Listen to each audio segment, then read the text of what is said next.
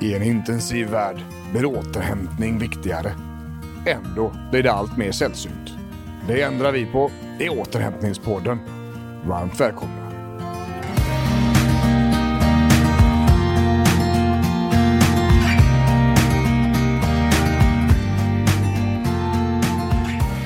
Inläst krönika och Björn Rudman. 2020. Från anarki till harmoni i själen. Så här tycker jag att du ska göra. Punkt för punkt. Punkt nummer ett. Be fler människor som är dåliga för dig och dra åt helvete. Punkt två. Avsluta alla typer av relationer med människor som tar mer av dig än du får tillbaks. Se punkt ett. Punkt nummer tre. Prioritera dig själv, din själ och din kropp före allt annat. Ta ansvaret över det liv du har fått och låt inte det förbrukas av någon annan. Är det svårt på grund av att människor runt omkring dig inte fungerar som de ska? Se punkt nummer ett. 4. Du är värd allt det vackra i livet. Du är värd att få njuta, att få leva, skratta, knulla, äta, dricka, uppleva och allt däremellan. Är det någon som påstår annorlunda? Se punkt nummer ett. Punkt nummer fem. Inse att livet inte bara består av jobb och att tiden utanför jobbet inte ska innebära vila inför nästa dags arbete.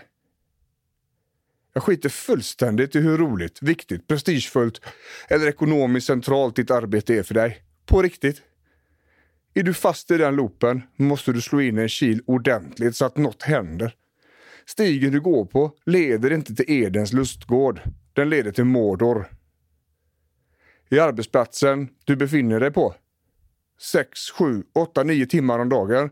Infekterad och ledarskapet undermåligt kommer det innebära ett procentuellt omfattande problem i ditt liv och för din själ. Se punkt nummer tre. Allt för många människor och de, alla de härliga människorna som jag har fått förtroendet att hjälpa med själen och kroppen under 2019 går i gamla hjulspår och fast med människor som dränerar och parasiterar på deras energi.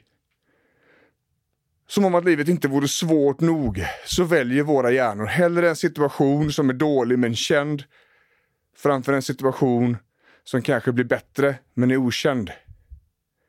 Hjärnan föredrar ett känt helvete framför en okänd himmel. Det är så vi fungerar, och jag med.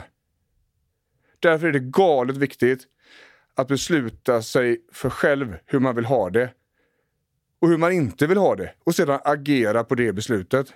Vill du må bättre, men mår må, må dåligt idag, behöver du ta ett steg som du kan för att gå åt det hållet.